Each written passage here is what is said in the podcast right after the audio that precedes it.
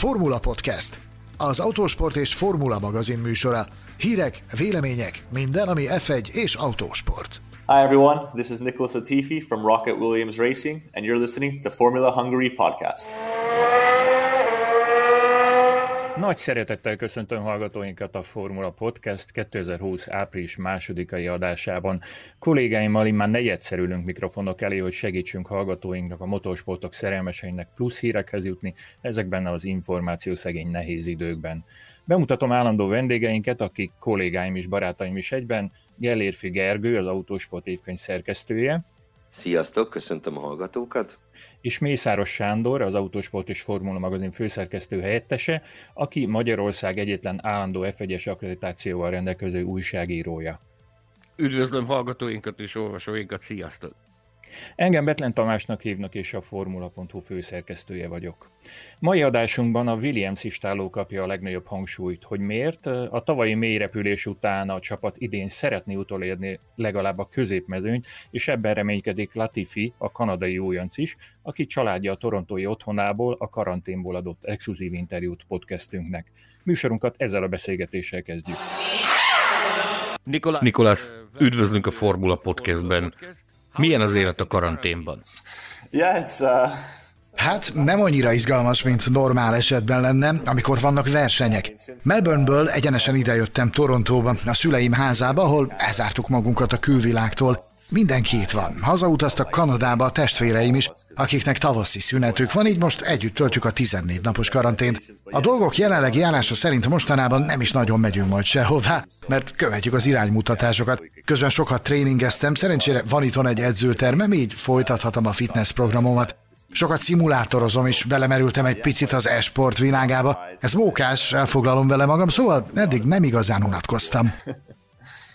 Úgy tűnik nekünk, hogy nagyon is élvezed a szimulátoros versenyzést.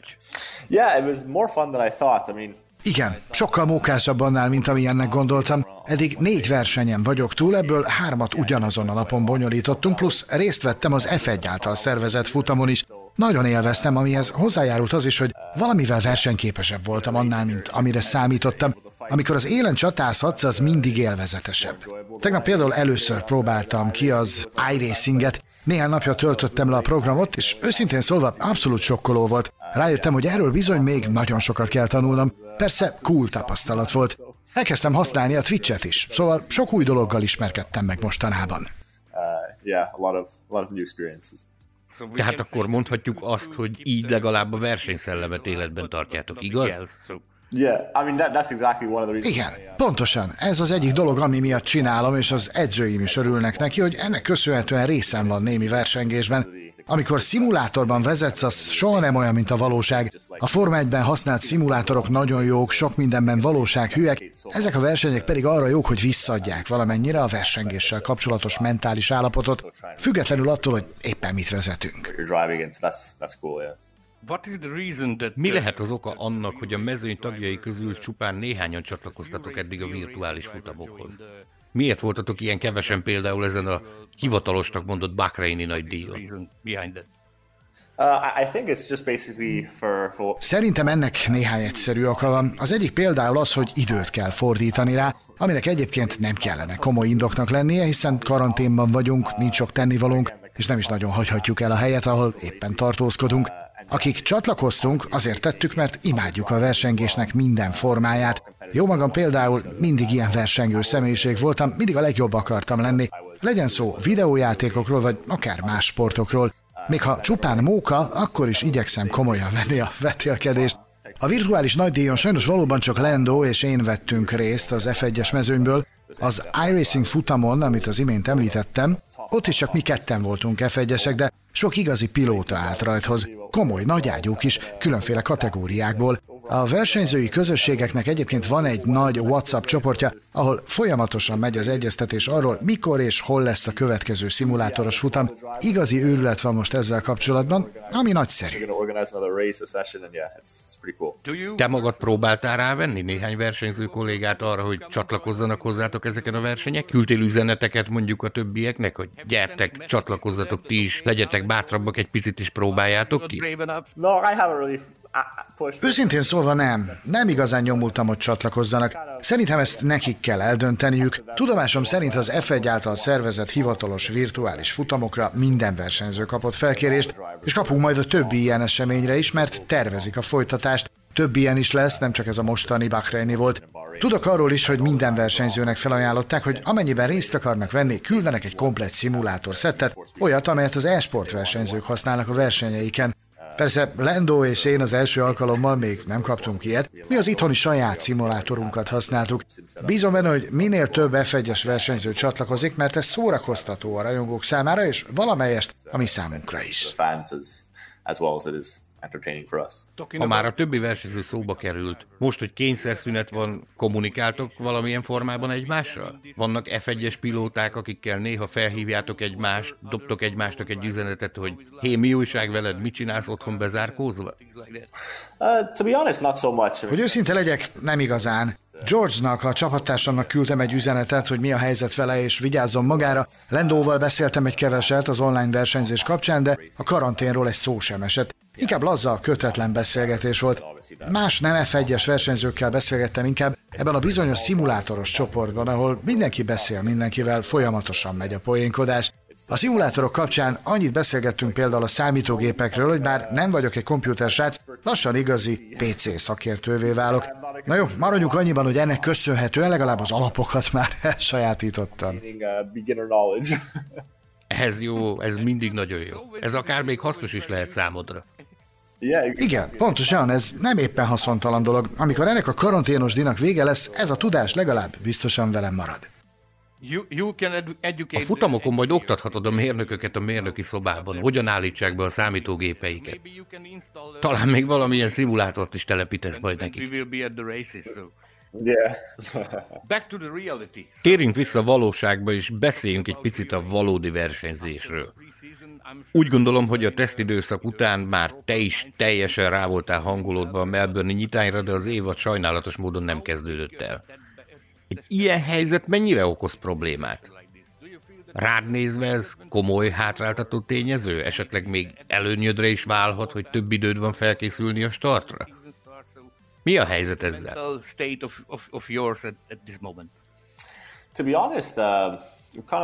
Azzal kapcsolatban, hogy ez előnyel vagy hátrányal jár, elsősorban semleges vagyok. Természetesen nagyon izgatott voltam amiatt, hogy végre elkezdődik, aztán pedig nagyon csalódott amiatt, hogy mégsem versenyeztünk. Utóbbi érzés fokozottan erős volt, hiszen ez lett volna az első versenyem, a debütálásom. Más versenyzők és a csapatok is nagyon csalódottak voltak, hiszen mindenki nagyon készült, mindenki rá volt hangolódva már az év első versenyére. Mindenki kőkemény munkát végzett a téli időszakban. Ha mondjuk bennünket, a Williams istálót nézzük, számunkra az a cél, hogy végre újra egyenesbe jöjjünk. Egészen biztatóan alakult számunkra a téli tesztidőszak, mindannyian motiváltan vártuk, hogy végre elkezdjünk versenyezni, de aztán a versenyt nem tartották meg, ráadásul a többi is törölve vagy halasztva lett. Minden csapat és pilóta ugyanabban a csónakban nevez, nem lehet azt mondani, hogy valakinek előnye, másnak kára származik ebből. Olyan ez most, mint egy meghosszabbított téli szünet, amelybe beiktattunk némi tesztelést, és már alig várjuk, hogy végre elkezdhessünk versenyezni. Ebben a tekintetben talán számomra picit hátrányos ez, mert a többiek tapasztaltabbak nálam. Nekik könnyebb lesz visszaülni az autóba és versenyezni egy ilyen hosszú várakozás után, míg én először teszem majd ezt. A dolgok pozitív oldalát nézve, mint említettel is, picit több időm van itthon lenni, több időm van készülni. Jobb lenne persze, ha bemehetnék a gyárba, és ott szimulátorozhatnék, de a gyár zárva van, így jelenleg szimulátorozni, és más csinálni sem lehet ott. Arra használom fel ezt az időt, hogy jó formában tartsam magam fizikálisan és mentálisan. Na és persze, mint említettem, szimulátorozom is. Csak remélni tudom, hogy a többi versenyző nem ezt teszi, vagy legalábbis nem olyan mértékben, mint én, és egy picik előnyt kovácsolatok magamnak ebből. Mindannyiunk számára ugyanaz a helyzet, és mindenki maga dönti el, hogy mivel tölti az idejét.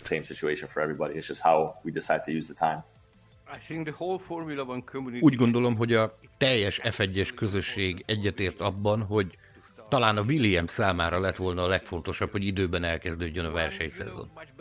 Te sokkal jobban tudod, érted, mint mi, hogy miért, hiszen teszt és fejlesztő pilótaként része voltál a csapat tavalyi küzdködésének. Mi azt láttuk a tesztidőszak alapján, hogy a helyzet bíztatóbb, mint egy éve volt, de mégis valójában mi most a pontos helyzet nálatok?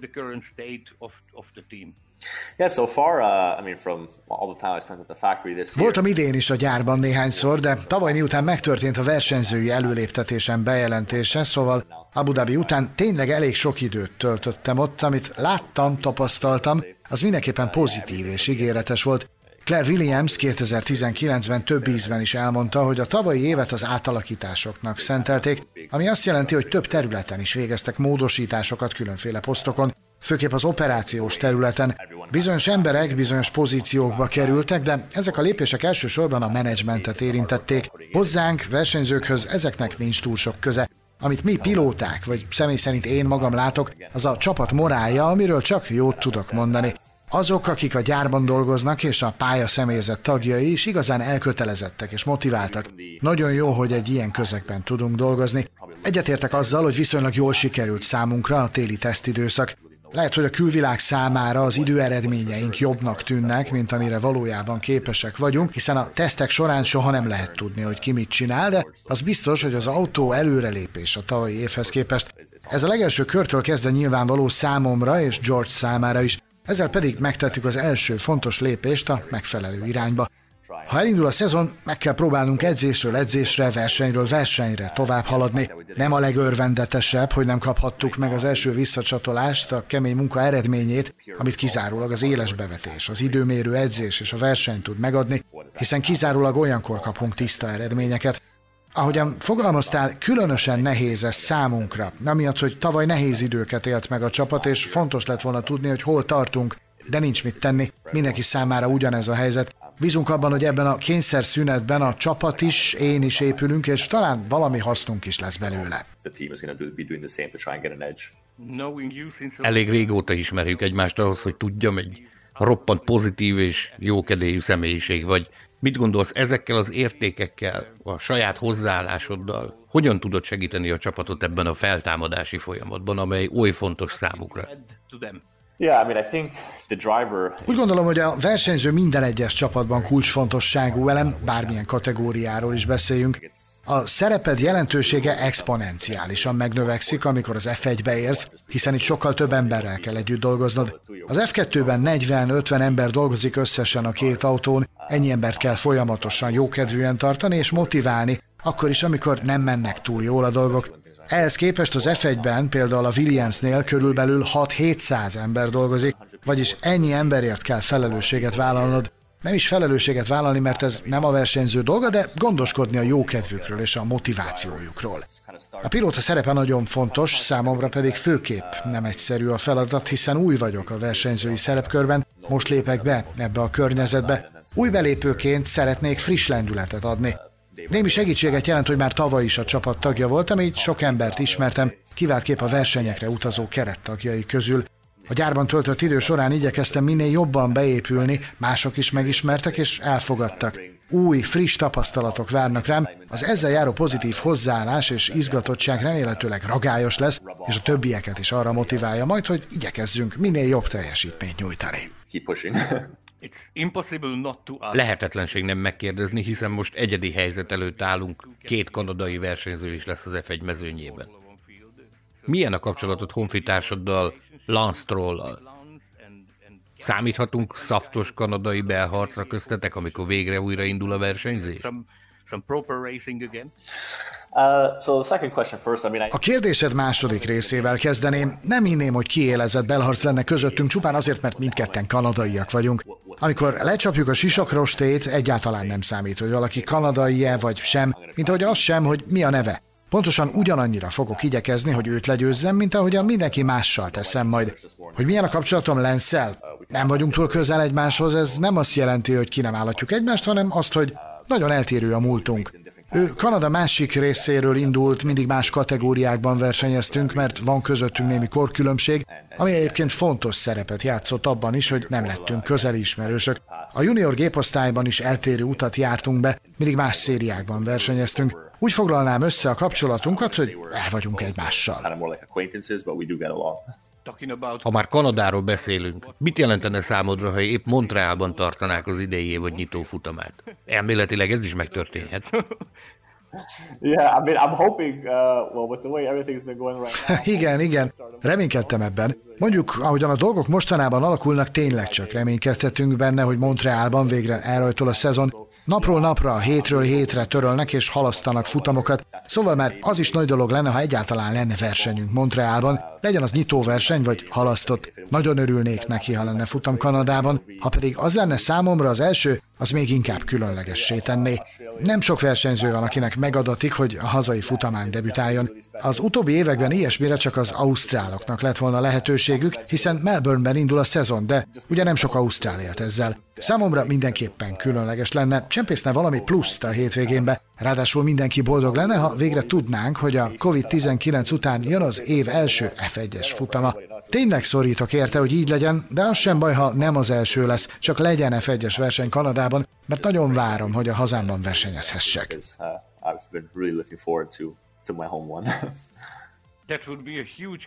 Korábban utaltál rá egy beszélgetésünk során, és máshol is olvashattuk, hogy soha nem volt különösebb példaképed a versenyzés világából. Ez eddig oké, okay, de vannak-e olyan srácok a jelenlegi mezőnyben, akikre felnézel, akiket igazából tisztelsz?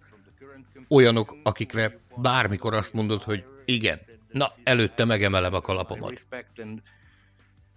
Uh, Mint említetted, amikor megkapom ezt a kérdést, általában azt mondom rá, hogy senkit nem tekintettem példaképnek, de persze voltak versenyzők, akiknek bizonyos tulajdonságait nagyon nagyra értékeltem, és úgy tekintettem rájuk, hogy ezt én is szeretném így tudni és csinálni.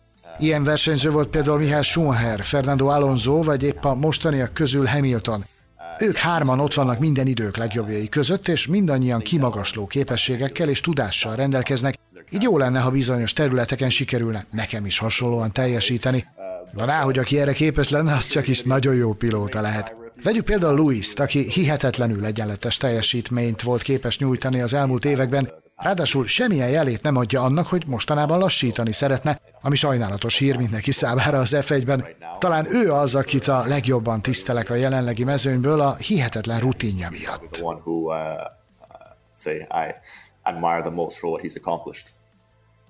Ha nem is vagytok azonos csapatban, lehet tanulni tőle? El lehet lesni a dolgokat valahogyan?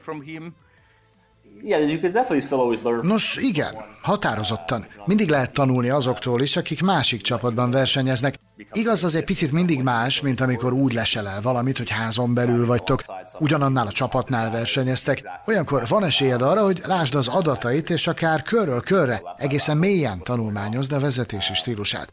Amikor nem ugyanabban a csapatban vagytok, akkor olyan extrákat lehet eltanulni, mint például, hogy mit csinál egy-egy bizonyos versenyszituációban, hogyan kezelnek bizonyos helyzeteket. Még akkor is meg kell próbálni ellesni ezt-azt a legjobbaktól, ha nem vagytok közvetlenül egymás közelében. Nagy ostobaság lenne nem eltanulni tőlük bizonyos dolgokat.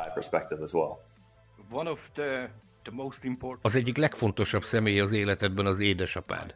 Michael, akiről 2018-ban talán Szocsiban már beszélgettünk egyszer.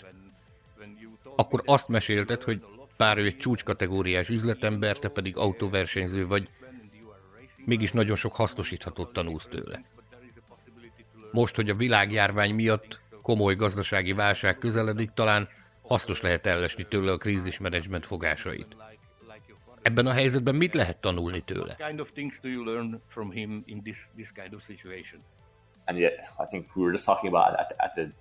A minap beszélgettünk éppen erről a vacsora asztalnál. Nem tudom idézni szóról szóra, hogy mit mondott, de mint mondtad, arra utalt, hogy jelenleg válság van a világban. Nem szabad megengednünk, hogy ez a krízis, tényleg nem emlékszem pontosan a szavaira, de valami olyasmi volt, hogy a, a krízis nem teremthet veszteségeket. Arra utalt, törekedjünk arra, hogy profitáljunk belőle, hozzuk ki belőle, amit lehet, Szerinte ez a helyzet lehetőséget teremt számomra is arra, hogy még erősebbé, még jobbá váljak. Úgy gondolja, hogy nem szabad elfecsérelni az időt, és dolgoznom kell ezen idő alatt is.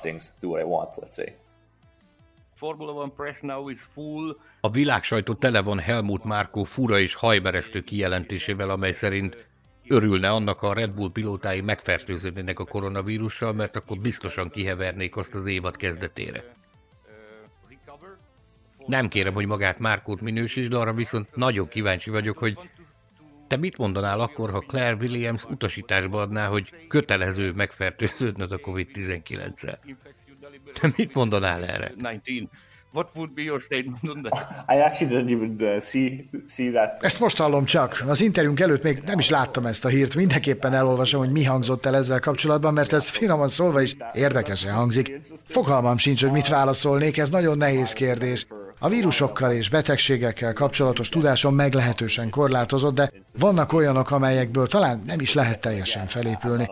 Nem is tudom, hogy a COVID-19 esetében pontosan hogyan működik ez, de jobban preferálnám, ha nem kapnám el, hogyha nem lenne közöm hozzá. Márko egészen pontosan azt javasolta, hogy szervezzenek egy tábort, ahol szándékosan megfertőzték volna a pilótáikat, hogy felépüljenek, mire kezdődik az évad. Azt is mondta persze, hogy a Red Bull berkeiben nem aratott osztatlan sikert ez a felvetése. A sportvilágában sokakat megmosolyogtatott ez a sztori. ez teljességgel értető. Hogy is mondjam, ez egy meglehetősen extrém gondolat. Végezetül légy olyan kedves és üzenj valamit azoknak a magyar rajongóknak, akik érted szorítanak. Nem tudom, hogy tisztában vagy-e vele, de népszerű srác vagy nálunk, és biztos vagyok benne, hogy a szurkolók örülnének neki, ha üzennél nekik valamit ezekben a nehéz időkben. Ó, igen, tudok róla, hogy vannak rajongóim Magyarországon, aminek nagyon örülök. Nekik és mindenki másnak is üzenem meglepetés és öröm számomra, hogy egy ilyen módon is szólhatok a magyar közönséghez, és nagyon köszönöm a támogatásotokat. Valóban nehéz időket élünk, remélem, hogy mindenki igyekszik vigyázni magára, a családjaitokra és mindenki másra is. Kövessétek az illetékes szervek által megfogalmazott iránymutatásokat, mert hiszek benne, hogy mi magunk is nagyon sokat tudunk tenni a vírus visszaszorítása érdekében. Legyünk annyira pozitívak, amennyire csak lehetséges. Remélhetőleg hamarosan vége lesz ennek az egésznek, és visszatérhetünk a versenyzéshez. Már nagyon várom én is, hogy végre a pályán legyünk, és bízom benne, hogy találkozunk a Magyar Nagy Díjon. when this all blows over, we could go racing again and look forward to having your support on track and hopefully seeing you at the Hungarian Grand Prix.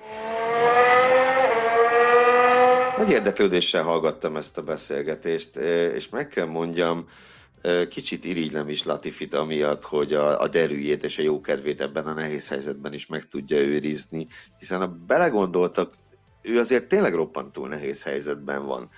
Forma 1-es újoncként nem tudom, hogy lehetne ennél bonyolultabb a helyzete, mint hogy ugye egyszer felpörög, rákészül a debütálásra, ez elhalasztódik hosszú hónapokkal.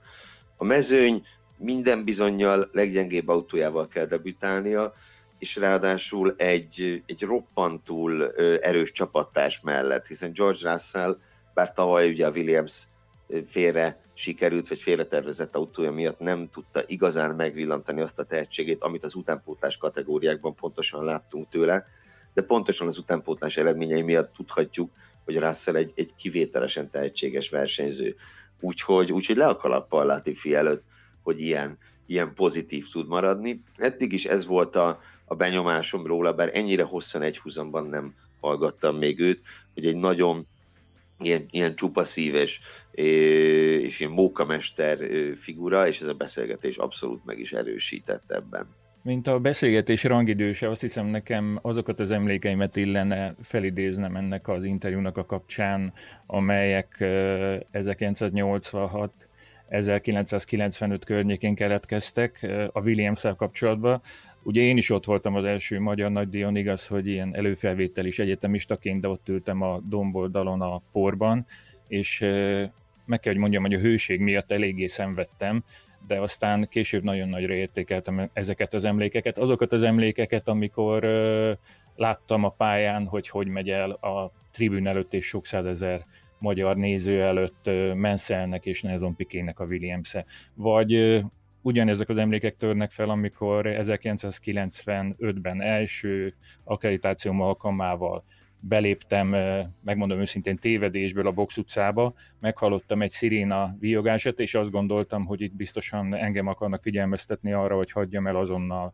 a box utcát. Aztán kiderült, hogy ez csupán a, a szerelőgárdákat figyelmezteti arra, hogy autó érkezik éppen a box utcába. Ebben az évben egyébként nem a Williams lett a világbajnok, mint emlékszünk 86-ban, vagy mint 96-ban és 97-ben, de a következő két esztendő ugye Jacques Villeneuve volt, és sikerült begyűjteniük a világbajnoki címeket.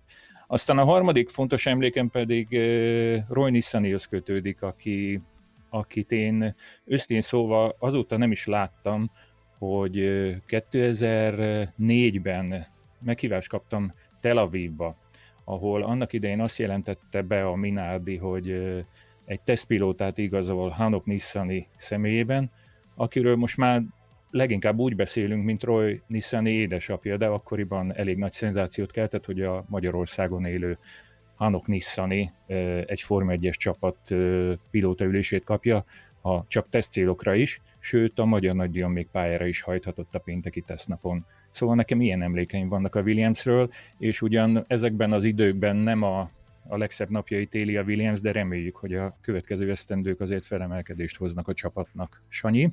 Én szeretnék visszakérdezni azzal kapcsolatban, hogy amikor tévedésből beléptél a box utcába, nem akartak kidobni onnan különböző biztonsági emberek. Akkoriban még azért nem ilyen idők jártak. Igaz, hogy ez csak 25 évvel ezelőtt volt, csak idézőjelben, de úgy emlékszem, hogy szabadabban lehetett járni és közlekedni a Box utcában. Azt hiszem egyébként, hogy ez egy péntaki nap volt, és pénteken még ma is azért bizonyos időpontokban egy normál akkreditációval is meg lehet közelíteni a csapatok garázsait, de akkoriban még edzés közben is ezt meg lehetett tenni. Sőt, arra is emlékszem, hogy 95-ben még David Coulthard volt az egyik pilótája a Williamsnek, és a start ceremóniát gyakorlatilag az 1 méter magas, 1 méter 20 centi magas box utcai betonfal mellől lehetett végignézni, szóval egészen más idők jártak akkor. De beszéljünk a mostani időkről. Te milyen esélyt látsz a Williams felemelkedésére, Sanyi? Én nagyon reménykedem abban, hogy ez a, ez a folyamat, ami elkezdődött náluk, ez a, ez a revitalizációs folyamat, ennek, ennek valóban kézzel fogható jeleit fogjuk látni idén. Visszatérve az interjú alanyra, a Latifire, én abban a szerencsés helyzetben vagyok, hogy én, én gyakorlatilag Forma 3-as karrierje kezdete óta ismerem őt, akkor onnantól kezdve, hogy, hogy megjelent a Forma 3-ban. Nekem mindig is az volt az érzésem vele kapcsolatban, hogy, hogy mintha egy Daniel Ricardo replikát látnánk. Nem tudom, hogy, hogy tehetségben ez mennyire fog visszajönni, lehet, hogy sem ennyire, de az az attitűd, az a hozzáállás, az az abszolút pozitív energia, az a karizma, ami őt körüllengi, az, az engem mindig is Daniel Ricardo emlékeztetett, egy végtelen humoros és, és jó pofa srácról van szó, aki egyébként nagyon-nagyon megérdemelné azt, hogy, hogy sikereket érjen el a Forma 1-ben is. Ugye róla tudni kell azt, hogy egy, egy mérhetetlenül gazdag család sarja, és ehhez képest ismerve személyesen is egyáltalán nem veszítette el a, a, a kapcsolatát a valósággal. A, a szülei, az édesapja is, és az édesanyja is nagyon gazdag családokból érkeznek, élelmiszeriparban utazik a családnak mind a két ágazata, elképesztő és józanészre felfoghatatlan vagyont sikerült nekik összehozni. Ennek ellenére a gyerek az két lábbal áll a földön, én úgy gondolom, hogy ez ebből az interjúból is kiderült, és talán nem is véletlen az, hogy az, az édesapját szóba hoztam a beszélgetés során, az apukája is egy olyan ember, akinek a sztoria az, az bizony megér egy misét. Ugye ő iráni származású, tizen akárhány éves korában keveredett Kanadában, mint bevándorló, ott gyakorlatilag a McDonald'sban volt hamburger sütő és, és asztal tisztogató ember, és ebből küzdötte fel magát arra a szintre, hogy gyakorlatilag az egyik legkomolyabb élelmiszeripari milliárdos lett belőle. A, a, a magazinunknak a, az aktuális számában olvasható egy portré a, a Latifiről, és ott egy kicsit elmélkedtem azon is egy korábbi beszélgetésünk alapján, hogy mit mondott az édesapjáról. Például akkor, arra, akkor tett egy olyan utalást is, hogy a, az apukája fiatalabb korában mindig, mindig azzal húzta, hogy tessék, akkor, akkor te, te, mutasd meg te is, hogy a legjobbak közé tartozol. Én már bebizonyítottam, hamburger sütők között én már Forma 1 színvonalat képviselek. Ne felejtsük el, hogy a Williams magyar kapcsolódási ponttal is rendelkezett a múltban, és rendelkezik az idei évtől ismét. Jánvári Zsolt, aki ott kezdett és két évnyi ház vendégmunka után visszatért a legendás istálóhoz, szintén hallatni fogja a hangját a podcastünkben, mert hogy Sándor őt is felhívta és érdekeseket kérdezett tőle. Tisztelettel és nagy szeretettel üdvözlöm a Formula Podcast első szezonjának negyedik adásában Jánvári Zsolt barátunkat, a Rocket Williams Racing rendszer technikusát. Szervusz Zsolt! Jó reggelt kívánok a kedves hallgatóknak, és nagyon szépen köszönöm a meghívást. Igen, a beszélgetésünk az szerda délelőtt zajlik, és hát a téma az, az mi más lehetne, mint a, mint a Williams istáló Zsolt, de a Williams-nél kezdted a Form 1-es pályafutásodat, majd továbbáltál a házhoz, ahol lezúztál kettő szezont, majd az idei évre visszatértél egy, egy meglehetősen érdekes williams szezon után, amit túlzás nélkül lehet a csapat történetének leggyengébb szezonjaként értékelni. Visszatérésed okán mit tapasztaltál a csapatnál, milyen változások történtek, mennyire viselte meg a társaságot ez a, ez a katasztrofális tavalyi szezon? Ez egy nagyon érdekes téma, úgyis az én visszatérésemnek is az a háttere, hogy nagyon sok minden megváltozott a Williamsnél. És ez nagyon szorosan hozzátartozik, hogy mennyire sajnáljuk, hogy, hogy nem, nem, volt, nem volt verseny Ausztráliában, de még egy szabad edzés sem volt. Mert ugye az a baj, hogy amit az emberek látnak, a nézők, a rajongók látnak, a, láttak az elmúlt évben, az a baj, hogy általánosítanak, és ugye itt dolgozik 700-800 ember. És mindenki azt mondja, hogy a Williams az milyen rossz volt tavaly, és tehát ez a, ez a 700 ember ezt magára veszi, és nem igazán az ő hibájuk mert azért ezek a dolgok, amik a Williams-et ennyire hátráltatták, ezek nem a, a dolgozók, nem a CNC esztergályosok, nem a karbon ö, gyártók, tehát nem, nem az elektromos részleg, nem a váltós részlegnek a hibájából történtek, hanem ez menedzsment. És ugye ezek az emberek mind-mind-mind meg akarták mutatni, hogy tudnak ennél jobbat, hogy nem az ő hibájuk volt, tudnak ők ennél sokkal jobbat, és hát sajnos ez elmaradt, de reméljük a legjobbakat. Nagyon sok változás történt a Williamsnél, leginkább strukturális szinten, tehát a menedzsmentet azt teljesen átdolgozták. Nagyon sok ellenőrző szint lett beépítve a rendszerbe, ahol, ahol folyamatosan látják és követik, hogy melyik alkatrésznek a gyártása hol tart, tehát lett, lett kommunikáció, mert igazából az volt a legnagyobb gond, hogy egyik részleg sem tudta soha, hogy hol tart a másik. És ezért nem lettek kész időben az alkatrészek. Ezt teljesen átszervezték, én azt mondanám, hogy működik, úgy zajlott le az autó építése, hogy mindig percre pontosan tudtuk, hogy melyik alkatrész mikor fog odaérni. És ugye én nem tudom, hogy tavaly-tavaly előtt mi volt bent a gyárban, persze hallottam híreket, mert azért a srácokkal beszélünk, de mindent elmond, hogy gyakorlatilag a teszt előtt kész nap, két nappal kész volt az autó.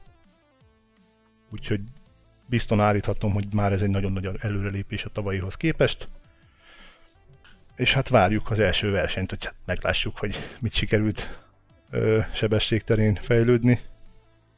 Úgyhogy ö, sajnos ez nem, nagyon nem jókor jött ez a leállás most nekünk. Milyen a hangulat úgy általánosságban véve a csapaton belül? Említetted, hogy, hogy nyilvánvalóan nagyon letört mindenki amiatt, hogy, hogy az Ausztrál nagydíj nem került megrendezésre, és továbbra is Isten tudja, meddig kell várnunk az első szezonra. Sikerül-e életben tartani a, a versenyszellemet ebben a volt időszakban? Hát ez egy nagyon jó kérdés. Mindenki le van törve, nehéz fenntartani a versenyszellemet, mert ez egy nagyon depresszív időszak, mert mindenki menne. Tehát ez az életet, hogy utazol, versenyzel, ott vagy mész, csinálod, pörögsz minden nap, tehát napi 14-16 órákat, és most úgy le vagyunk gyakorlatilag kényszerítve a földre, és nem csinálunk semmit, és ez egy kicsit azért rányomja a bélyegét a morálra. De igyekszünk, hát előre tekintünk, és várjuk, hogy végre írjanak egy e-mailt, hogy mikor kezdünk.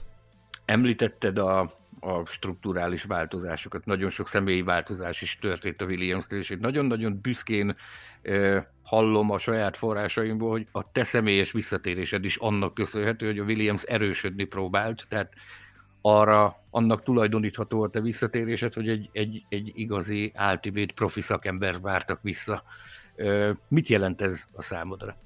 Jó, hát az az Ultimate Profi, az egy kicsit overkill. Egyáltalán nem volt. De igen, tehát nem titkolt dolog volt az, hogy én ezért is mentem el annak idején, mert ugye a legnagyobb problémája a Williamsnek, és most lehet, hogy sokan megharagudnak rám, az, hogy túl sok az öreg. És nem, nem, nagyon jó idős emberekkel dolgozni, hogyha az idős emberek motiváltak. Csak ugye ugyanaz a probléma van, mint a McLarennél volt három éve, hogy nagyon sok olyan ember volt, aki már igazából nem akar versenyt nyerni, csak bejár dolgozni, mert ez a munkája. És ugye, hogyha ez az extra motiváció nincs meg, nem csak a Forma 1, de bármilyen élsportban, bármilyen versenysportban, akkor ott nem lesz eredmény. és ugye ez, ez a része lett átszervezve a dolognak, hogy ezeket az embereket megpróbálták olyan pozícióba rakni, ahol, ahol muszáj nekik hozni eredményt, mert, mert egyszerűen belekényszerítik őket. Tehát, hogyha nem megy önmotivációból nekik, hogy azért, mert versenyt akar nyerni, akkor viszont kvázi mondjuk úgy kötelezik őket arra, hogy már pedig legyen eredmény, vagy akkor adjátok oda olyannak, aki, aki csinálni akarja. És ugye én ezekről tudtam, mert azért egy nagyon erős baráti kapcsolat van ö, a versenycsapatokon belül. Tehát én a mai napig a haszos srácokkal is napi szinten beszélek, a Williams-es srácokkal is beszéltem, mikor a használ voltam, és ez, ez egy nyílt dolog volt, hogy én ezért is jöttem, mert, mert próbáltunk változtatásokat eszközölni. Ugye mi kim vagyunk a pályán, tehát én minden nap látom az autókat. Én gépátvételni oda megyek, és én rendszeresen nézegetem az ellenfél autóit. Oda megyek, és nézek bele a Mercedesbe, hogy hogy van megoldva ez, hogy van megoldva az, miben más, miben jobb. És ugye mi ezeket a, a feedbackeket visszakommunikáltuk a gyárba, és mindig az volt a válasz, hogy hát nem mond meg nekünk, hogy hogy kell csinálni, 20 éve bajnokok voltunk, és mi 20 éve itt csináljuk, és az úgy jó. És ugye ez a probléma, hogy 20 éve jó volt, de ma már nem. És e- ezen a téren lett nagyon sok változás, többek között ez volt az egyik kiváltó oka, hogy miért bólintottam rá, mikor hívtak vissza, hogy hogy jövök. Beszélgettünk, beszélgettünk a hét folyamán az egyik újonc pilótátokkal, a Nikolás Latifivel, akit hallgatóink is hallhatták a, az interjú során, aki, aki arra mutatott rá, hogy most valóban megvan ez a pörgés, ezt úgy tűnik nekem a szavaidból, hogy te is érzed ezt, hogy azért, azért ez a fiatalitás, ez a, ez a szemléletváltás, akkor ezt, ezt ki lehet jelenteni, hogy ez megtörtént. Mire lehet számítani? Mit eredményezhet ez a szemléletváltás a versenypályán, ha végre elindul a verseny? Nézd, ezt nagyon nehéz megmondani. Ami biztos, hogy az autó sokkal jobb a tavainál de sajnos ugye nincs igazán jó összehasonlítási alapunk, mert betiltották az aktív felfüggesztés használatát a teszteken, és ugye az aktív felfüggesztést mindenki használja a teszten egész egyszerűen azért, mert azzal lehet olyan köröket futni az autóval, ahol az autót gyakorlatilag ugyanolyan pozícióban tudott tartani, mint a, lég, a, a szélcsatornában. És ezt használták arra, hogy a szélcsatornákból kinyert adatokat megerősítsék, hogy igen, ez a valóságban is így van hiszen az aktív felfüggesztéssel az autót mindig egyenesben lehet tartani milliméterre, század milliméterre, és ugye ezzel kompenzálod a, a pálya egyenetlenségeit. És így az így nyert adatok összehasonlíthatók a szélcsatorna adataival. És ugye ez elmaradt, ettől nagyon sokat vártunk, mert a szimulációk alapján nagyon sokat javult a dolog.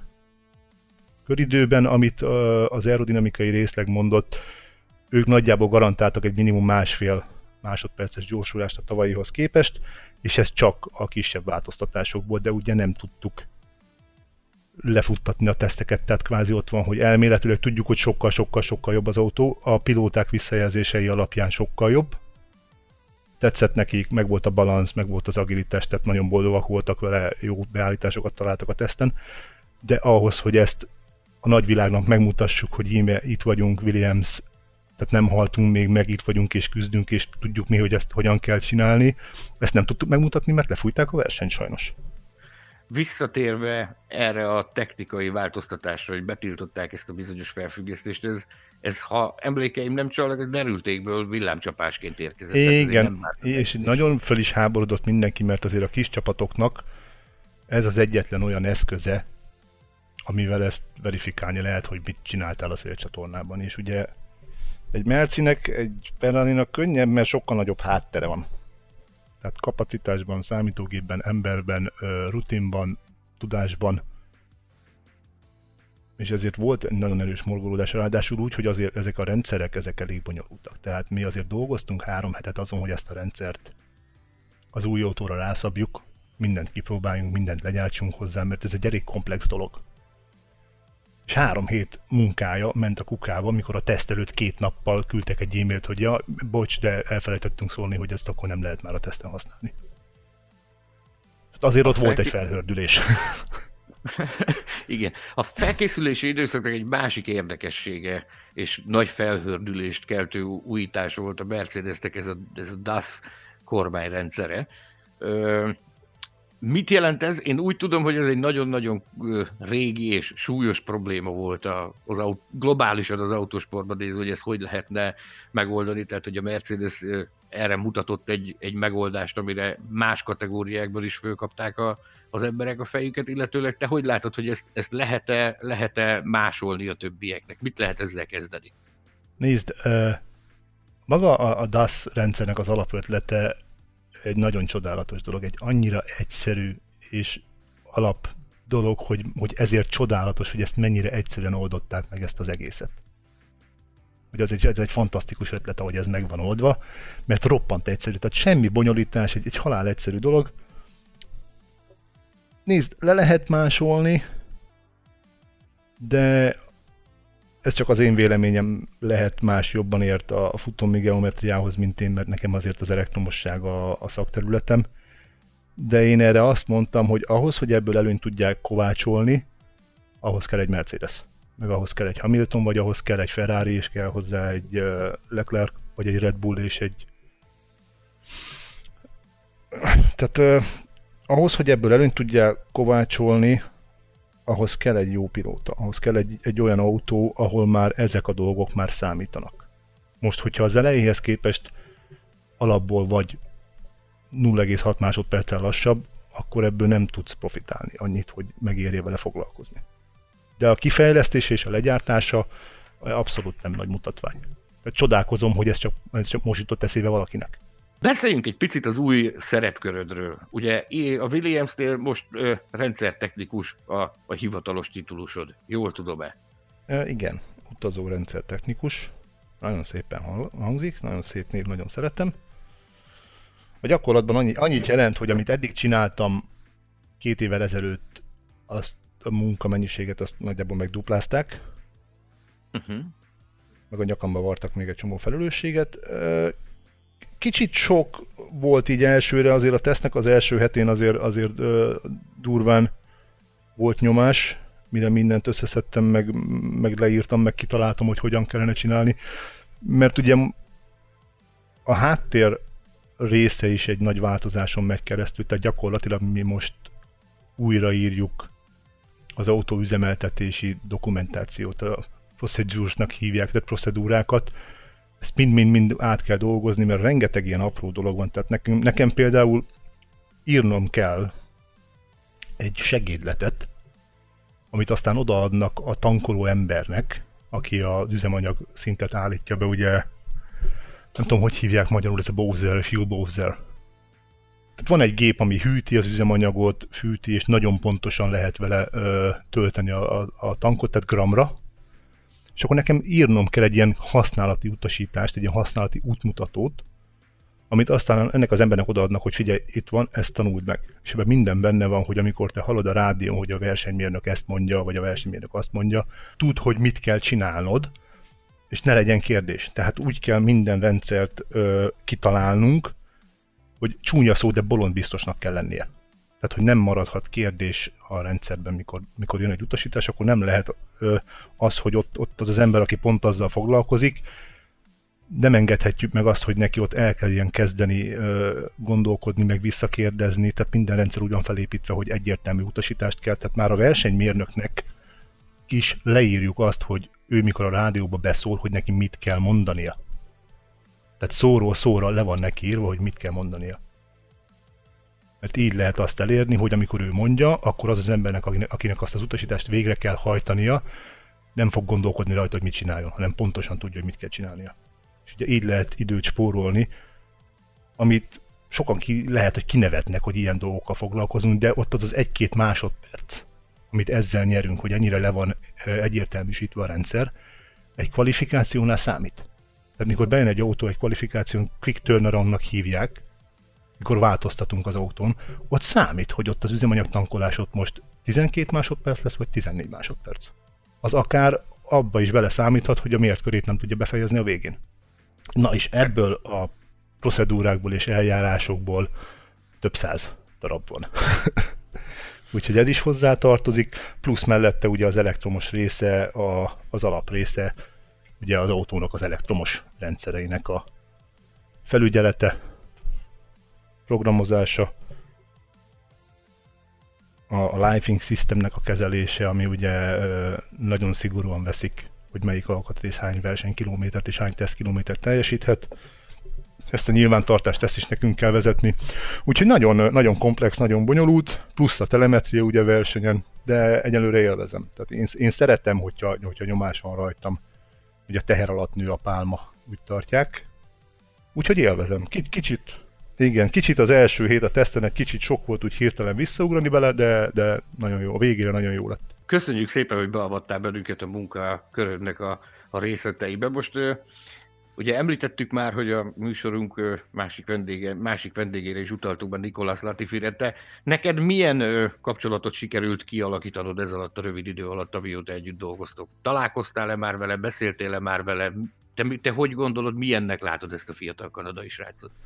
Én szeretem, nagyon jó fej nagyon vidám, nagyon közvetlen, fiatal, rettenetesen motivált, és nem mellesleg nekem az jön le róla, hogy akármikor mikor beszélgetünk, hogy, hogy ő azért képbe van. Tehát, hogy tudja, hogy, hogy mi merre.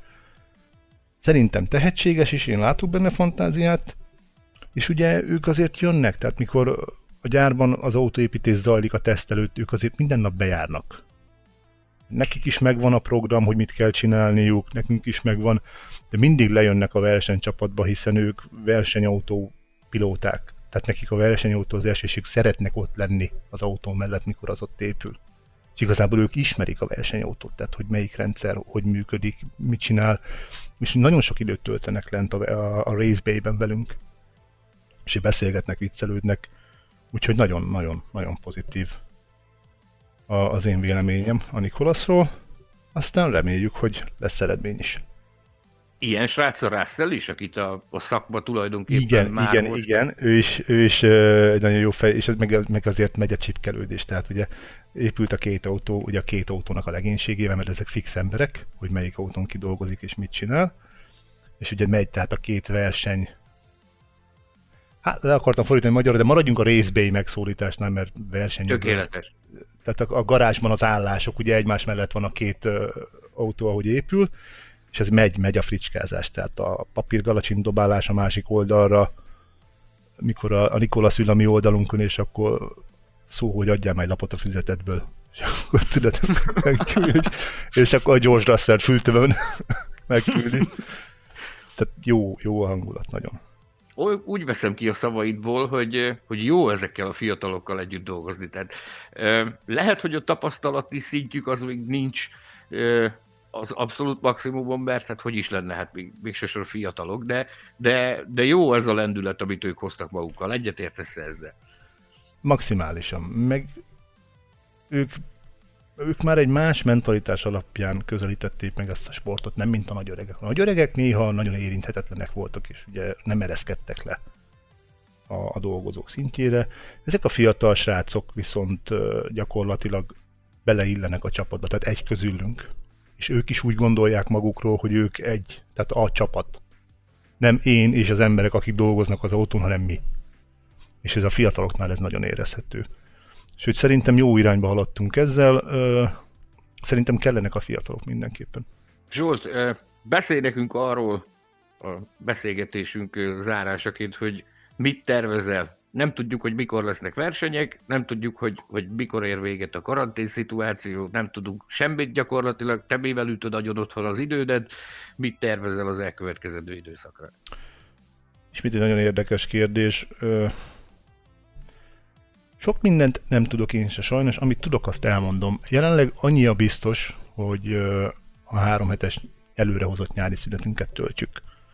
Hogy utána mi fog történni csapatszinten, sajnos nem tudjuk, mert ilyenkor a kommunikáció is tiltott, mert a nyári szünet szabályai ugyanúgy vonatkoznak arra, erre a periódusra, amit most csinálunk, mert hiszen előre hozták, de ez még mindig a nyári szünet, és ezért nem kommunikálhatunk a csapattal, mert meg van tiltva. Mert az a szabály, hogy a kéthetes nyári shutdown periód alatt te nem foglalkozzál munkával. Tehát nem kapcsolatod a számítógépedet, nem e-mailezhetsz, menjen nyaralni, menjen pihenni. Amit tudunk, az az, hogy ugye biztos hallották már a kedves hallgatók, hogy a Forma 1 gyártók próbálnak segítséget nyújtani ezzel a világjárványjal kapcsolatban, és összeálltak ö, egészségügyi gépek gyártóival, többek között a Williams is itt a környéken van egy vállalat, aki lélegeztető gépeket gyárt, és ugye az a terv, hogy nekik besegítünk. A terv az, hogy a, ez a vállalat ez most heti 7 darab gépet tud legyártani, a terv az, hogy a Williams beszállásával ezt a számot ezt megemeljük heti 200-ra. Mert ugye ott van egy gyár, ott van egy gyár, ami most nem működik, mert a fejlesztések ugye megálltak, mi a versenycsapat, hiába is megyünk be a gyárba, nekünk nincs mit csinálni, mert hiszen nekünk már versenyezni kéne, tehát az autók kész vannak, nem tudunk mit csinálni, és ezért van rengeteg kapacitás, van rengeteg nagyon jó szakember, ugye vannak Eszterga gépek, van karbonkevlár szekció, és ezt az egész kapacitást megpróbálják felhasználni arra, hogy valahogy segítsünk. Úgyhogy ez egy nagyon ambíciózus terv, minden Forma 1-es csapat ö, kollektív, ugye ez ez egy közös ötlet volt, és minden Forma 1-es csapat társul egy ilyen vállalattal, és ez a nagy terv, ez, ez, ami biztos, hogy ez egy, ez egy három hetes, három-négy hetes elfoglaltságot fog nekem biztosítani személyesen. Bonyolult dolgokat nem fogok csinálni, igazából nekem az lesz a, a feladatom, hogy az már elkészült gépeket le kell ezt tesztelnem, és ugye a végső teszt riportot megírni, hogy és akkor mehet ki amelyik kórházba vagy ahova azt éppen küldik. Ez egy nagyjából négy hetes elfoglaltság lesz, és gyakorlatilag ennyi az, amit én jelenleg tudok. Ezen kívül annyi van, hogy várunk. Ez egy nagyon nemes feladat, és láttunk is már a héten egyébként az adásunk egyik témája lesz ez, a, ez az egészségügyi kooperáció a Form 1 Láttunk is már egy ilyen bemutatott lélegeztető géprendszert, amit egy másik gépből alakítottak át a Mercedesnek a bevonásával. Én nem tudom, hogy ez mindenki ugyanezen a projekten fog dolgozni, vagy, vagy mindenki más projekten fog dolgozni a, a Nagy-Britanniában székelő csapatok közül. Hát a projekt az ugyanaz, ugye a cégek, a vállalatok különbözőek. Ugye azt történt, hogy a Forma egy management ugye összehívta a csapatokat, hogy van ez az ötlet, a csapatok mondták, persze csináljuk, és akkor az egészségügyi gyártók szakszervezete, vagy nem tudom, biztos van egy ilyen szervezet, akkor az ő oldalukról is mondták, hogy gyerekek, van egy ilyen lehetőség, hogy meg lehet növelni a kapacitást. Mert ugye, tehát hogyha Williamshez bemensz, tehát a Williamsnek van egy nagyon nagy CNC részlege, ahol, ahol azt hiszem, és a 40 valahány CNC gép megy non-stop. És ezek a gépek ugye most gyakorlatilag alig működnek 20%-os kapacitáson, mert hiszen nincs verseny és ezen rengeteg gyártókapacitást felszabadít, és, és ugye ez a terv, hogy nem csak lélegeztetőgépet, hanem mindent, amit egy Forma 1 csapat elő tud állítani, karbonkevlárból, fémből, esztergálással, összeszereléssel, vezetékeléssel, elektronikával, ebben mind-mind-mind próbálnak segíteni, és kiadták ugye ezeknek az egészségügyi gyártó cégeknek, hogy ez a gyártó kapacitás áll rendelkezésre, és akkor kooperáljatok, hogy ki mit tud csinálni, ki miben tud segíteni. Tehát ez egy, ez egy országos szintű összefogás itt. Ez egy csodálatosan nemes feladat. Zsolt, jó egészséget kívánunk neked ehhez a, ehhez a kihíváshoz. Vigyázz magadra, és várunk vissza vagy valamikor a jövőben ide a műsorba. Nagyon szépen köszönöm a beszélgetést. Én köszönöm, hogy itt lehettem, és természetesen mind, mindig nagyon szívesen állok rendelkezésetekre. További szép napot, és mindenki vigyázzon magára. Egyszer vége lesz ennek is, és újra fogunk versenyezni, remélhetőleg minél hamarabb. Viszontlátásra! Ennyi év után is nagy büszkeségre adhat okot, hogy egy magyar szakember ilyen szinten vesz részt az F1 körforgásában. Mi is kitüntettük egyébként, ha emlékeztek, két évvel ezelőtt a Top 50 magyar autóversenyző állán külön díjjal jutalmaztuk az autósport legmagasabb szintjén tett erőfeszítéseit jutalmazva, elismerve. Mit tudunk egyáltalán a srácról? Honnan indult és hogyan került a Forma 1-be? Sanyi, azt hiszem erről te tudsz a legtöbbet beszélni, hiszen valahonnan a szomszédságodból származik. Igen, és én azt gondolom, hogy lapunk olvasói jobban tájékozottak, mint, mint te vagy, ugyanis a Zsolt pályafutásának minden apró mozzanatáról és rezdüléséről beszoktunk számolni. Csodálatos sztori az övé, szabolcs már Bereg megyéből indult, indult Kisvárdáról, a, a mérhetetlen versenyszellem és a legjobbra való törekvés a, az az, ami őt vezérli a kezdetektől fogva. Megfordult a magyar terepraliban több csapatnál, majd gondolt egy bátrat, és útnak indult a ködös Albion felé, ahol, ahol megtalálta az autósportba vezető útját. több, az autosport több szintjén is megfordult, míg végül kikötött a Forma 1-ben, és hát számomra a legnagyobb öröm az, hogy a Williams-től az összes forrásom mindig azt mondja, hogy azért szerződtették őt vissza most a házas kitérője után, mert egyértelműen erősítésként tekintenek rá, tehát most már egy olyan tudásbázissal, egy olyan know-how-val rendelkezik a Zsolt, amit, amit gyakorlatilag a Williams-tél is vadásznak, és nagyítóval keresik az ilyen remek szakembereket, mint amilyen ő. A Forma 1 eljutni nem egyszerű, a Forma 1-ben gyökereket ereszteni még nehezebb, neki ez sikerült, és hát nagyon-nagyon örülünk ennek, hogy ez így van. Gergő, úgy emlékszem, hogy az autosportgálán te is találkoztál vele. Természetesen így van, egy nagyon-nagyon szimpatikus, szimpatikus ember, és szerintem az a legfontosabb tanulsága az ő történetének, amit itt a végén említettél, hogy bármennyire is távolinak tűnik Magyarországról nézve a Forma egy világa legalábbis egyetlen egy, évi egyetlen egy hétvégét leszámítva, Jánvári Zsolt története mutatja, hogy, hogy egyáltalán nem elérhetetlen és kemény munkával, eltökéltséggel, kitartással, igenis egy, egy bármelyik Magyarország bármelyik szegletéről elindulva el lehet, el lehet jutni a Forma 1 Az pedig, ha már itt a Williamsről beszélgetünk ma, akkor, akkor így különösen egy különös érdekeltséget, nem is tudom, érintettséget inkább így mondom, ad a, a Williams reménybeli felemelkedésének az, hogy ennyire fontos szerepet tölt be ott egy, tölt be ott egy honfitársunk, és és egyúttal ugye mindkét mai interjú alanyunknak komoly szerepe lehet ebben.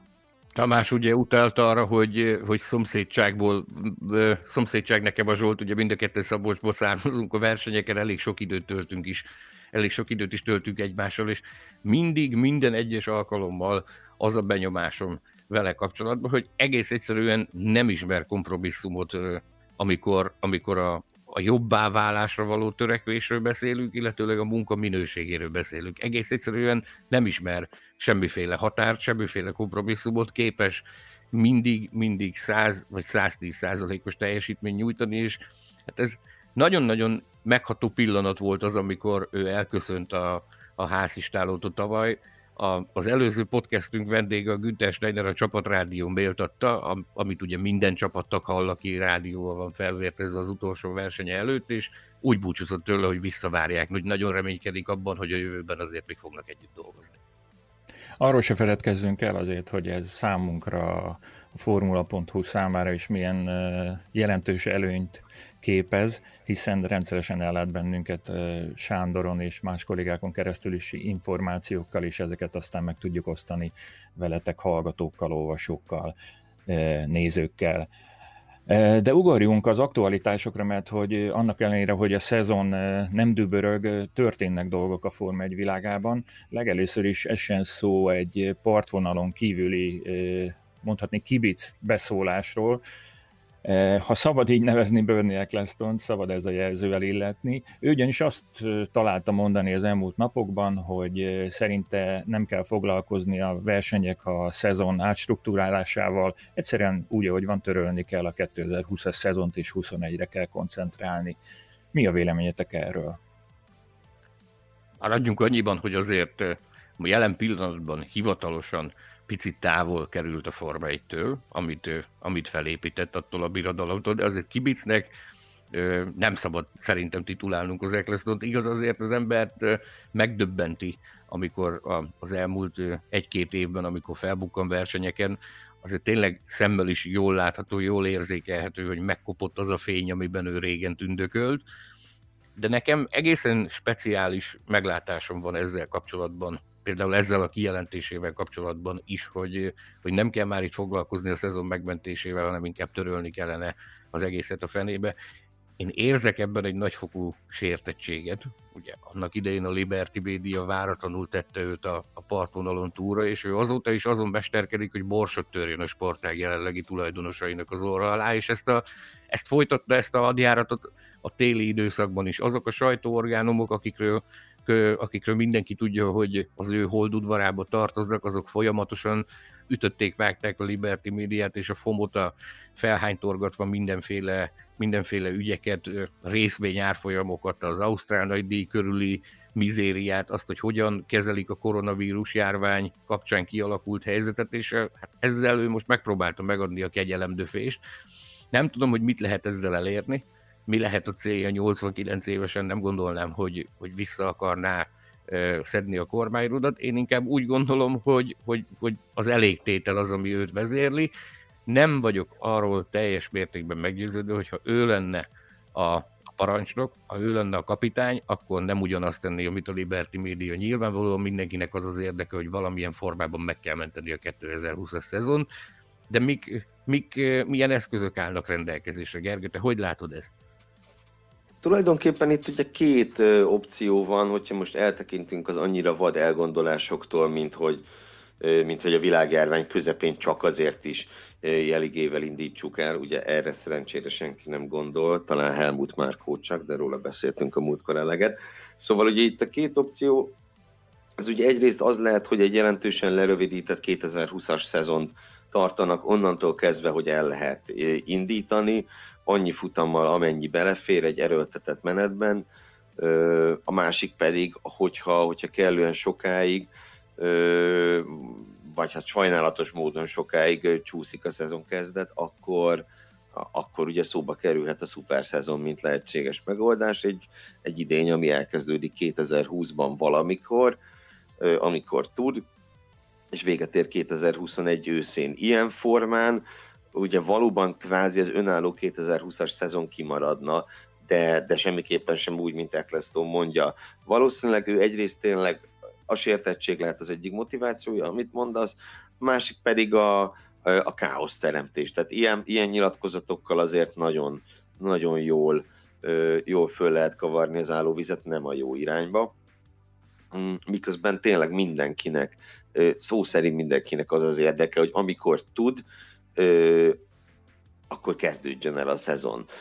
Ez az érdekes sportágnak, a rajongóknak, a benne dolgozóknak, különös tekintettel a kis csapatokra, ha bár ugye azt is tegyük hozzá, hogy épp egy-két órával ezelőtt olvashattuk, hogy, hogy ez már nem csak a legkisebb csapatokat érinti az anyagi érintik az anyagi problémák. Ugye a McLarennél most küldtek kényszerszabadságra ö, dolgozókat, ami a ha bár ugye szerencséjükre Angliában egy, egy igen jelentős összeget kapnak az államtól a kényszerszabadság ideje alatt, de nyilván nem ugyanaz, sem, a, sem az összeg, sem az, ahogy az emberre ez kihat, mint hogyha, mint hogyha dolgozhatna. Úgyhogy, úgyhogy Eccleston, amit mond, az igen, valamilyen mögöttes motiváció lehet benne, de azzal teljesen egyetértek, vagy abban teljesen egyetértek veled, hogyha ő irányítaná az f akkor nem ugyanez, nem ugyanez gondolná, valószínűleg azon gond dolgozna, hogy hogy lehetne már heteken belül versenyt tartani valahol.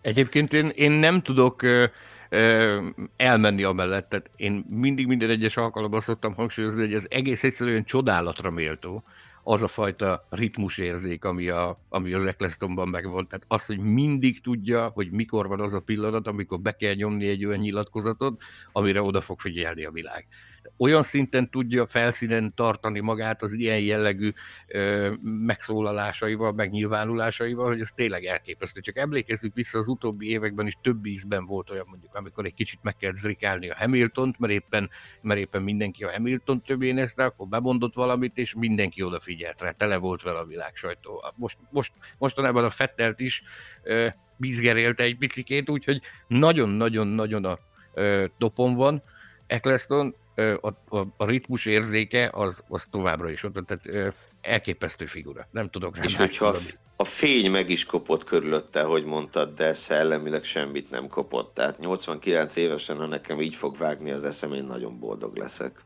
Tavaly Ausztriában alkalmam nyílt beszélgetni vele egyébként négy szem közt, egy, egy ilyen 15-20 percet, és hát én, én tényleg azt mondom, hogy én, én, én, én odáig vagyok De azt, hogy valaki 89 évesen ilyen szinten tud teljesíteni szellemileg, az tényleg az csodálatra méltó. Arról beszéltetek, hogy mire figyel a világ, miről szólnak a hírek. De azt gondolom, hogy Eccleston bármit is mond, azért van egy sokkal fontosabb, ugye ez a koronavírus járvány. Igyekeznek a Forma 1-es csapatok is valamiféle módon segíteni, arról már hallottunk, hogy az amerikai autógyárak, a Ford és a General Motors, sőt azt hiszem, hogy a napokban már az európaiak is a Volkswagen színeiben a koronavírus elleni küzdelem háborújába beszálltak, és lélegeztetőgépek és egyéb termékek gyártásának állnak neki, de mit tudnak tenni, vagy mit tesznek a Form 1 istálók, hogy ők is csatlakozhassanak? Ugye elsősorban a technikai tudásukat, illetve az infrastruktúrájukat ö, vetik be a koronavírus járvány elleni küzdelemben. Tulajdonképpen az összes olyan csapat, amelyik ezt megteheti, az az olaszországi istálókat kivéve, valamilyen formában már részt vesz ebben a, ebben a világméretű és egész emberiségünkre kiterjedő erőfeszítésben, és, és az, hogy ennyire gyorsan reagált a Forma 1 tulajdonképpen pár héttel, a, nagyjából két héttel az elhalasztott Ausztrál nagydíj után már Forma 1-es gyárakban fejlesztettek és gyártottak lélegeztetőgépeket, és így tovább, az, az megmutatja, hogy ez a, ez az egész, amit Forma 1 nevezünk, ez több egy, egy, egy, egy pénzgyárnál, több egy nagy száguldó cirkusznál, hanem ez egy, ez, ez egy felelős közösség, és, és azt hiszem, hogy példamutató az, amit a Forma 1 csapatok csinálnak.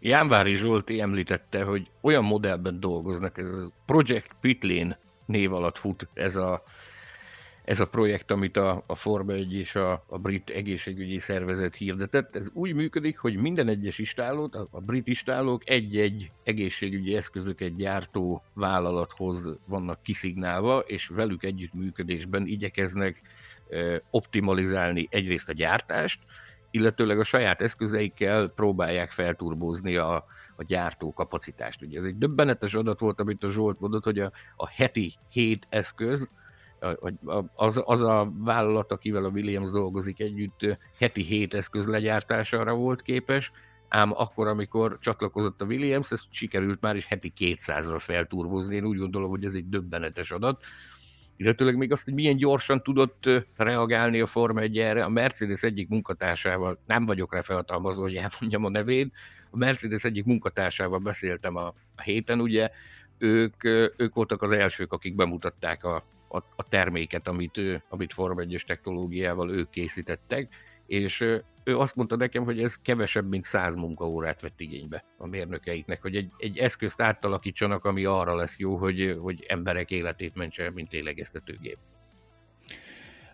A következő hír, amiről szerintem beszélnünk kell, az az, hogy az Aston Martinnal kapcsolatban elég érdekes plegykák, bejelentések érkeztek az elmúlt napokban. Azt gondolom, hogy Sanyit kell erről kérdeznem, mint aki legközelebb van a tűzhöz.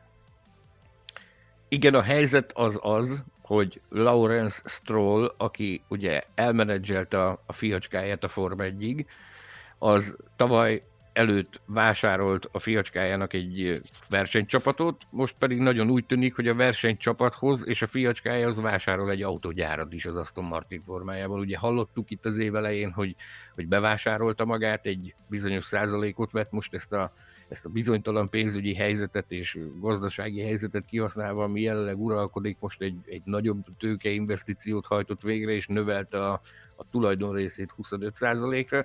Mindezt egy rejtélyes új konzorcium bevonásával tette meg. Önmagában ez, hogy a Stroll, ez a dúsgazdag milliárdos képes egy ilyen tranzakciót megejteni, ez nem akkora nagy meglepetés. Ezt tudtuk, hogy elképesztő gazdasági potenciál van mögötte.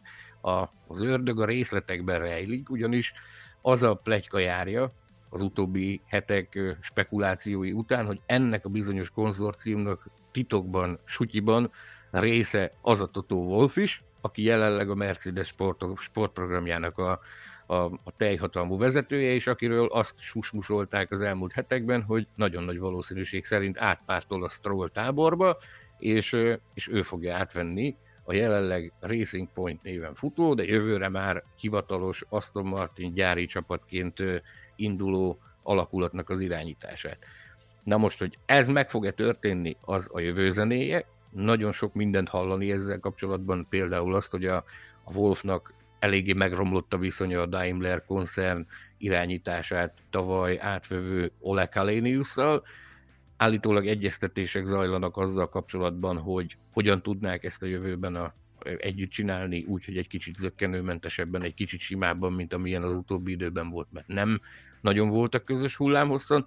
Ha ez a dolog esetleg megreked, és zátonyra fut az, az egyeztetés a felek között, és nem sikerül nekik valahogy dűlőre jutniuk egymással, akkor potenciálisan benne lehet az is, hogy a Wolf átpártol a, a Strollhoz, akivel egyébként nagyon jó barátságban vannak.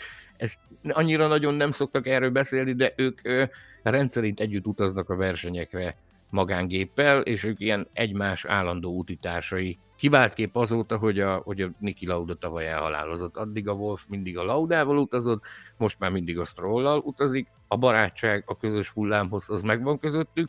Az, hogy ebből formálódik egy Forma 1-es együttműködés, azt még nem tudhatjuk, azt viszont nagyon-nagyon nehéz lenne cáfolni tekintettel arra, hogy nem látjuk ennek a bizonyos új, az Aston Martinba tőkét investáló koncernnek a hátterét, én azt gondolom, hogy potenciálisan elképzelhető, ismerve Wolfot, aki egy nagyon komoly befektető, én, én el tudom képzelni azt, hogy valóban benne van ő is ebben a transferben, amiben, aminek a keretein belül a Stroll egyre nagyobb befolyásra tesz szert az Aston Martin koncern, az Aston Martin gyártó ö, tulajdonosi körében. Nagyon érdekes számomra a két figurának a, az egybevetése tehát a, az öreg Strollnak, illetve a Wolfnak. Ugye mind a ketten kvázi befektetőként jelentek meg a Forma 1-ben. Mind a ketten úgymond hoztak magukkal egy versenyzőt. Ugye Toto Wolf esetében a feleségére gondolok, aki szintén annál a csapatnál kapott szerepet a Williamsnél, ahol, ahol Wolf először megjelent. ugye ő nem a Mercedesnél bukkant fel a Forma 1-ben, hanem a, hanem a Williams színeiben, vagy a Williams hátterében és, és aztán évről évre mind a kettejüknek egyre, egyre nagyobb lett a befolyása. Nyilván Wolfnak jelenleg még jóval nagyobb, mint Strollnak, de, de Stroll is, is elképesztő, hogy mennyire gyorsan, gyorsan terjeszti ki a, a saját a saját befolyását. Úgyhogy ha ezek ketten összeállnak, abból, abból elképesztő dolgok sülhetnek ki. A kérdés viszont bennem az, és, és persze valahol sejtem is a választ, csak azt nem sejtem, hogy ezt hogy fogják feloldani, hogy, hogy Lance Stroll alkalmas-e egy, egy, egy igazán nagy csapat versenyzőjének. Nekem meggyőződésem, hogy nem. Tehát az szerintem nem, vagy tehát az kár vitatni, hogy Strollnak helye van a Forma 1-ben, azt azért bizonyította.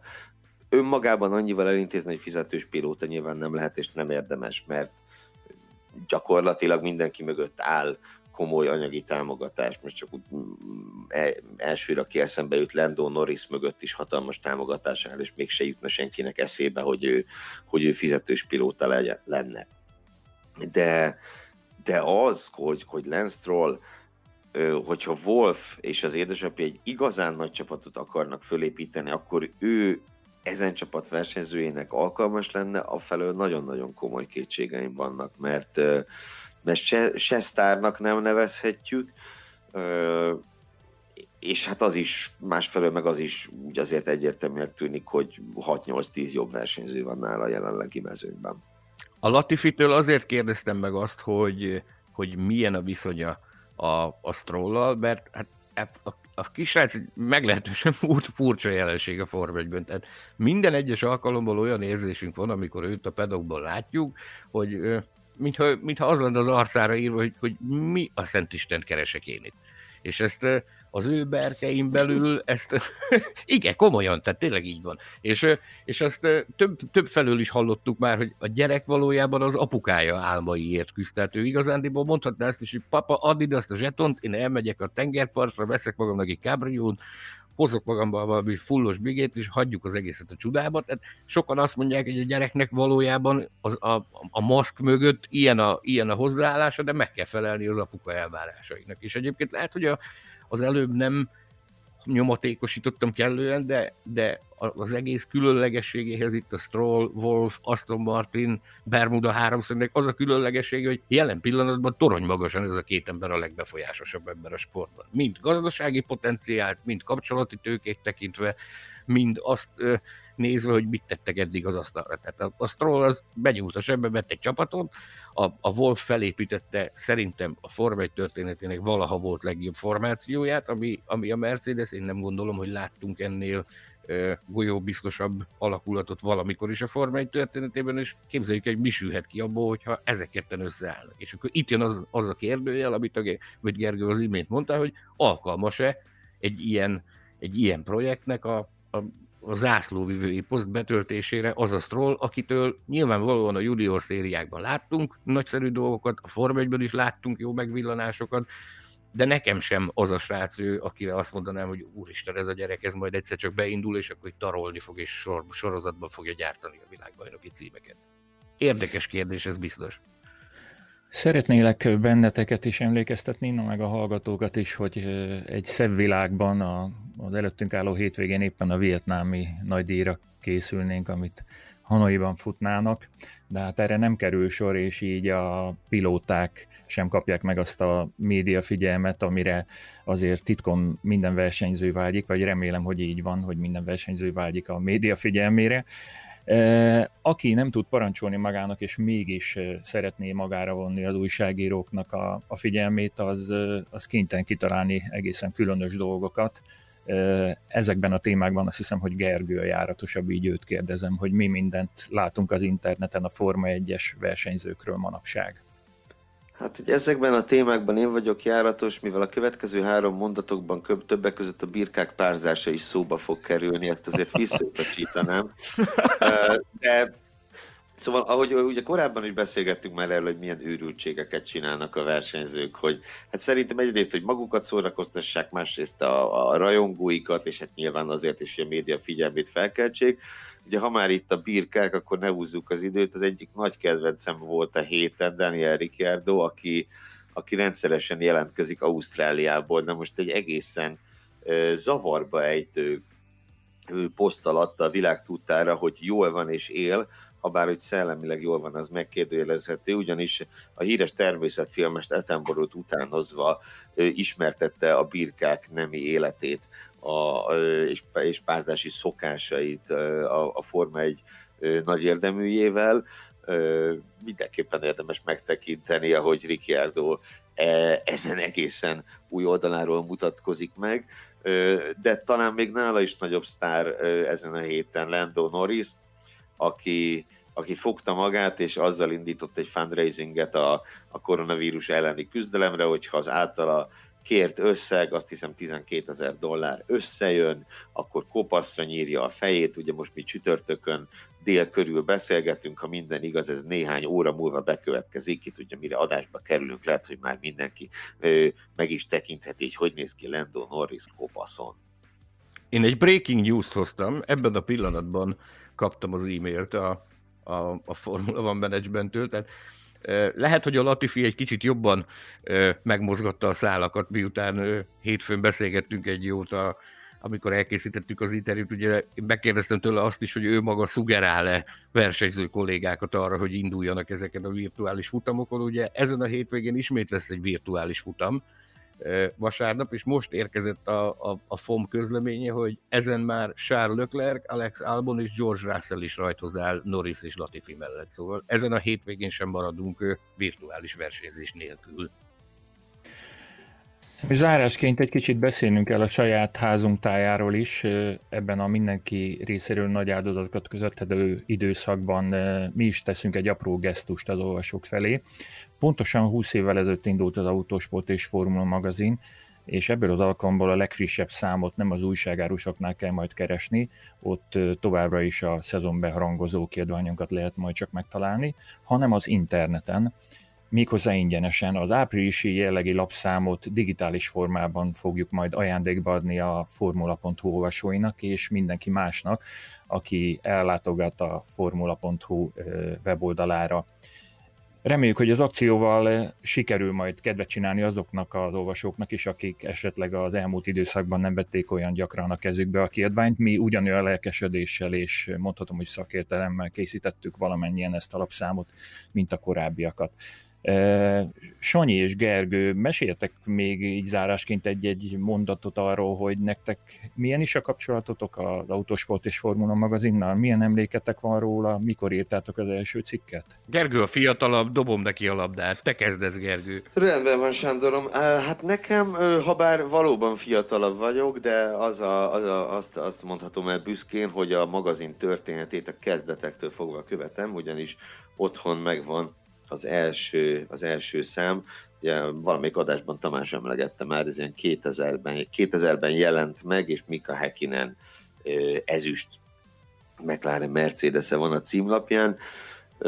Hát akkor nem nagyon gondoltam volna, hogy, hogy 13 évvel később már, már ennek az újságnak leszek a szerzője, de nagyon örülök, hogy így alakult. Ezt kiírtam magamnak, mert nem tudtam volna fejből. Egészen pontosan 2013. július 19-én délután adtam le az első cikkemet nyomtatásba az Autosport és Formula magazinban, ami arról szólt, hogy, hogy vajon Fernando Alonso-t meg tudja tartani a Ferrari.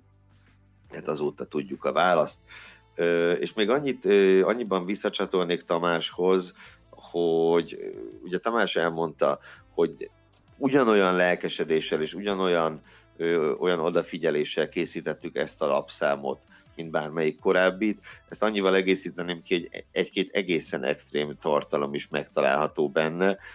Külön kiemelném az én személyes kedvencemet, egy cikk sorozat, egyelőre kettő rész, hiszen kettő futam telt volna el eddig a szezonból, hogyha megrendezték volna őket, amelyben mint egy elképzeltük, hogy mi történt volna az idei Ausztrál, és mi történt volna az idei Bakrányi nagydíjon, a részleteket nem lövöm le, úgyis mindenki hozzáférhet ingyen, ajándék gyanánt, úgyhogy, úgyhogy lapozgassátok szeretettel az újságot.